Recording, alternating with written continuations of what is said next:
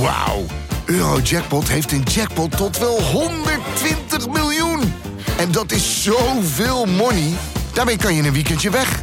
Met je vrienden. In space. Koop je lot in de winkel of op eurojackpot.nl. Eurojackpot. Een spel van Nederlandse Loterij. Speelbewust 18+. Plus. Maak je ook een transfer naar VI Pro? Ga naar vi.nl slash zsmpro voor onze scherpste deal.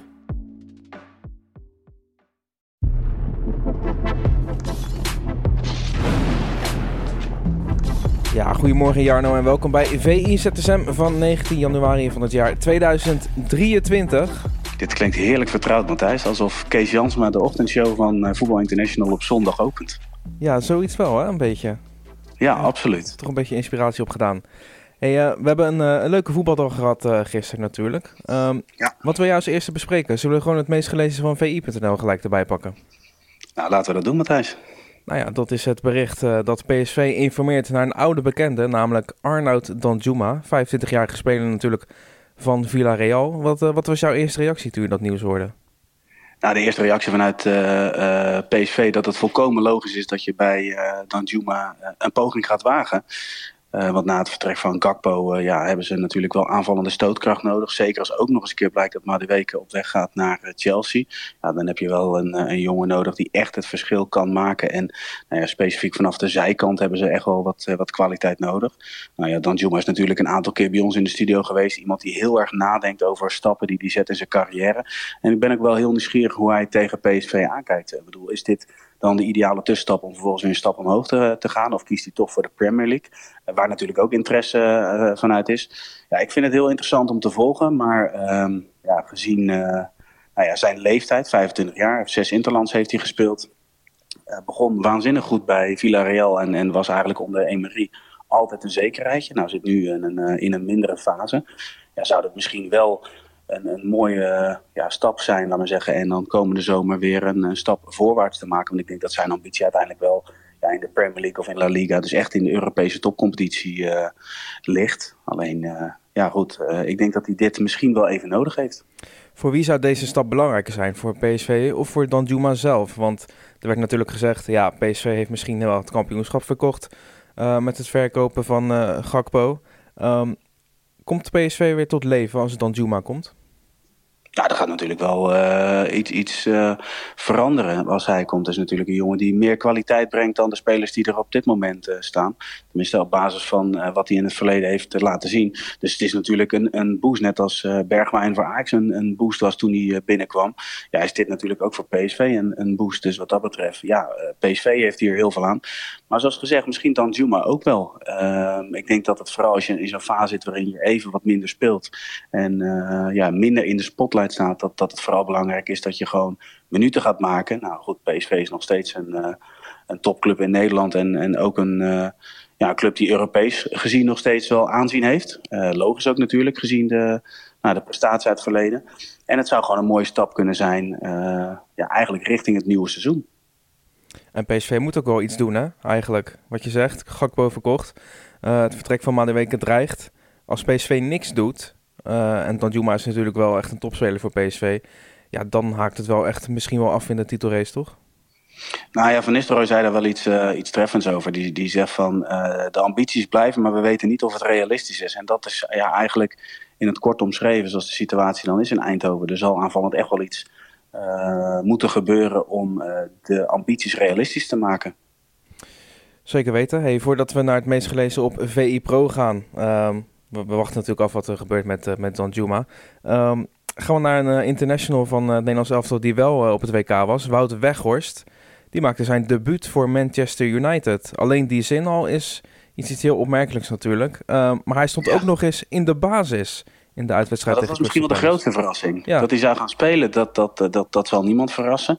Uh, Bas van Hoven omschreef het ook wel mooi. Want hij had het over dat de, de, de man is van de speciale missies. Dus op het moment dat het even niet loopt en er moet iets geforceerd worden.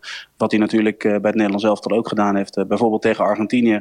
Ja, dan komt Wout Weghorst in de ploeg. En dat is op zich... Uh, nou ja, een, een uitstekend plan B. En uh, Suleiman heeft wel eens in zijn items gezegd... Ja, eigenlijk zou iedere topclub een type Wout Weghorst moeten hebben. Dus iets, uh, een speler waarmee je dus echt iets anders doet... ten opzichte van wat je normaal voorstaat als trainer. Maar goed, als je dan kijkt naar de wedstrijd tegen Crystal Palace. Hij heeft 72 minuten gespeeld. stond in de spits. En, en wat dan opvalt, 20 passes, weinig balverlies. En op zich nog wel een redelijke connectie met Bruno Fernandes. En dat vond ik wel ja, opmerkelijk om te zien. Dat hij, hij was goed aanspeelbaar, was nou ja, daarin ook een rustpunt in het elftal. Is natuurlijk niet de eerste speler die ze zoeken. In eerste instantie gaat het altijd via Eriksen, Bruno Fernandes. Ja, en dan zijn het eigenlijk de lopende spelers op de zijkant die voor gevaar moeten zorgen. Maar op het moment dat dat niet kan, was hij wel steeds aanspeelbaar. En ja, zoals gezegd leed hij ook weinig balverlies. En ja, dan is die connectie met uh, Bruno Fernandes, die een aantal keer vanuit de combinatie werd United gevaarlijk. Dat is, dat is leuk om terug te zien. Maar ik vind de goal ook wel opmerkelijk, want uh, het was een, mooie goal. Uh, mooi opgezette aanval via Eriksen en Bruno Fernandes. Maar als je de beelden terugkijkt en, en je ziet de loopactie van, van Wout Weghorst. Ja, die had op dat moment drie spelers van Crystal Palace bezig. Dus ja, we kunnen van alles zeggen over de kwaliteit van Wout Weghorst. En deze week is er ook een filmpje verschenen van de jonge Weghorst die nog bij de amateurs uh, speelt in Nederland. Uh, maar hij is nu gewoon spits van United. En kennelijk uh, met zijn nou ja, voorkomen, zijn postuur en zijn continue dreiging daarmee dus...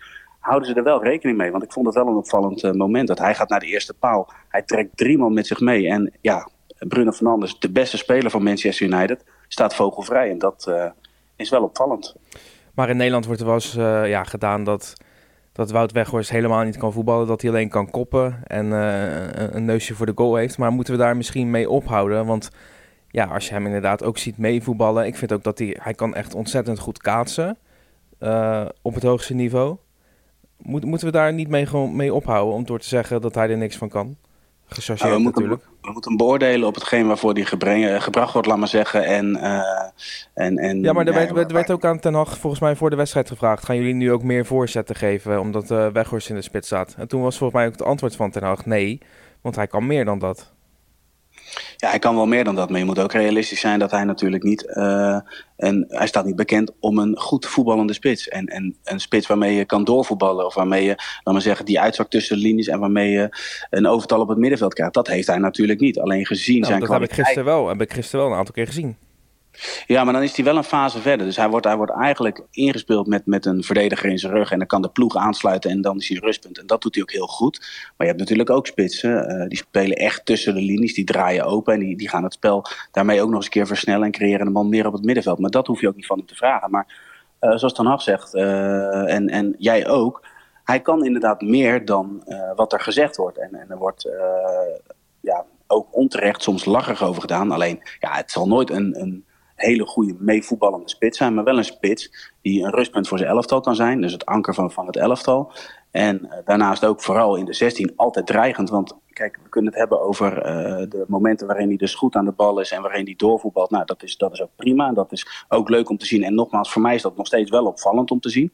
Maar het, het, moment van het doelpunt, waarbij hij dus eigenlijk voor chaos zorgt in de 16, ja, dat is uiteindelijk wel zijn grootste kwaliteit. Het doelpunt te maken en het veroorzaken van chaos bij een tegenstander.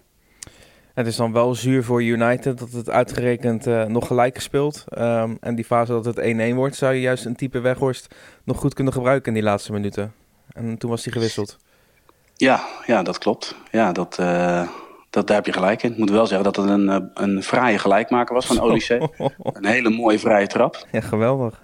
Dus ja, maar dat is ja, zuur voor United. Zeker als je kijkt naar de, ja, de, de strijd bovenin die, die spannend is. En uh, ja, waar Arsenal nou ja, de laatste uh, dagen goede zaak heeft gedaan. Ja, zeker ja. Zag je die, die kop van Ten Hag toen die, toen die goal viel? Ja, maar dat is gewoon. Uh, we gaan straks ook naar, naar het onderwerp van Tadic. En dan gaat het over winnersmentaliteit, killersmentaliteit. Ja, dat, dat is natuurlijk uh, bekend bij Ten Hag. ja, dat hij gewoon echt nou ja, veel eisend is en ook echt een killer is. En ja, natuurlijk is dit zuur, want hij is aan een behoorlijke reeks is hij bezig. Ze hebben natuurlijk goede resultaten geboekt. En dan is dit wel een ja, een, pijnlijk gelijkspel uit, uh, uiteindelijk. Want hij gaf zelf ook aan dat ze in een eerdere fase hadden ze die wedstrijd al eigenlijk in de vlog moeten gooien. Want ze zaten er op een gegeven moment de fase goed in. En uh, daarin verweet hij alleen zijn ploeg van joh, misschien hadden we door moeten drukken en op een gegeven moment echt uh, moeten gaan voor die 2-0. En dan zit je comfortabel en ja, is het de wedstrijd doodmaken, uitspelen en drie punten bijschrijven. Zeker. Hey, tot slot over Weghorst. Gaat hij slagen, denk jij, dit, dit half seizoen nog bij Manchester United? Ja, de, de vraag uh, stellen zit hem ook in het feit van wat, er, uh, wat is het verwachtingspatroon. Uh, maar je hebt nu, je hebt nu ja, 72 minuten gezien. Het kan alleen maar beter worden ik, misschien. Ik geloof niet dat Wout Weghorst de vaste spits van Manchester United gaat worden. Maar Nee. ik geloof wel dat Wout Weghorst een, eh, een eh, bijdrage kan leveren aan het succes van Manchester United. En het succes van Manchester United zou zijn het plaats van Champions League voetballen. Want dat zou, eh, gezien de situatie waar de club vandaan komt, gewoon een hele goede prestatie zijn. Wordt vervolgd. Je hebt net zelf al een uitstekende bruggetje gemaakt naar het meest gelezen artikel op VI Pro. Met als kop, Dusan Tadic kijkt in de spiegel, dubbele punt. Ik was te veel met de ploeg bezig. Vond ik al een Ja. opmerkelijke uitspraak in het eh, artikel van Freek Jansen. Ja, aan de ene kant wel, aan de andere kant niet. En het succesjaar, want daar, daar kijkt hij ook op terug samen met, eh, met Freek. Eh, had hij dat ook al, was hij heel erg met zijn ploeg bezig. En, en het sturen en het neerzetten van op dat moment de jonge talenten die, eh, ja, die eh, aan het doorbreken waren in Amsterdam. En op het moment dat het dan goed gaat, dan word je geroemd als aanvoerder. En op het moment dat het minder gaat en je speelt zelf ook minder, ja, dan, dan is dat natuurlijk eh, gelijk een, eh, ja, een punt van kritiek. Van ja, je moet eerst zelf maar goed voetballen en dan pas met de rest bezig zijn. Maar goed, wat, wat interessant is eigenlijk in het verhaal is, eh, we hadden het over de, de killersmentaliteit bij, bij Ten Hag. Nou, die is er natuurlijk op dat moment ook ja, echt ingeslopen. En hij refereerde aan het, aan het vorige seizoen, waarin Ajax ook slecht speelde, waarin het niet lekker liep, maar waarbij ze wel wedstrijden wonnen, laat maar zeggen. Nou, dat is wat ze nu ook willen, want het loopt misschien niet zoals het zou moeten. Maar uiteindelijk moet je gewoon wedstrijden winnen, op wat voor manier dan ook. Maar geeft daarbij ook aan, er zijn in de laatste jaren gewoon heel veel spelers vertrokken. Nu gaat het om eh 13 spelers die, eh, die weg zijn gegaan. En vanaf het moment dat ze dus het succesjaar hadden met ja, goed, de foto waar het vaak over gaat, van de halve finale tegen Tottenham, eh, waarin hij toch de laatste overgebleven is. Ja, dan, dan is het verwachtingspatroon was natuurlijk hoog. En is voor de buitenwacht wellicht nooit echt veranderd. Maar de vraag is of dat realistisch is. Ja, en dan kan zondag in de klassieker kan al iets worden laten zien natuurlijk. Ehm, dat is wel een wedstrijd waarin misschien Tadic kan opstaan, of niet? Ja, dat zou ook kunnen. Maar ik ben eigenlijk heel nieuwsgierig naar de mening van eh, Freek Jansen en, eh, en Martijn hierin. Want we, nemen vandaag ook eh, voor VI Pro nemen we een vooruitblik op richting de klassieker. Waarin we uitgebreid gaan vooruitblikken met Freek Jansen en Martijn Krabbedam. Nou, Freek Jansen zou ik wel heel graag willen weten van ja, wat is nou de rol van Dusan Tadic? Hoe belangrijk is hij nog voor Ajax? En ja, hoe liggen de kansen in deze klassieker? En ja, bij Martijn zou ik ook wel graag willen weten van oké, fijn, dat is de koploper. Het wordt koploper. Jij was er vorige week zelf bij. Eh, tijdens de persconferentie met Arne Slot valt eh, ja, aan de lopende band. En dat is ook logisch natuurlijk. Maar eh, ja, wat doet dat met het verwachtingspatroon van deze wedstrijd? Want normaal gesproken zou Ajax de favoriet zijn. Nou, ik ben wel benieuwd hoe de heren daar naar kijken. Maar ik ben ook wel benieuwd, specifiek in dit geval, naar de mening van Freek als het gaat om uh, Dusan Tadic. Ja, zeker Jarno. Ja, dat zijn de laatste 10 seconden van deze ZSM nog voor jou. Want we hebben Justin Kluivert zien scoren. Vond je dat leuk? Ja, was zeker leuk. Hij is nog snel, hè? Hij is zeker snel. Turbo, hè? Ja, ja, was een vrije goal tegen Gigon, 4-0 gewonnen. Uh, kreeg de bal uh, volgens mij vanaf eigen helft, zette hij de sprint in. En ronde hem vrij af. Het is wel leuk om te zien dat, dat een jongen waar natuurlijk uh, in het verleden ja, een hoog potentieel aan gekoppeld werd, dat hij ja, dit weer laat zien. De vraag is alleen, ja, laat hij het over een langere periode zien. Gaan we hem ooit nog in oranje zien, ja of nee?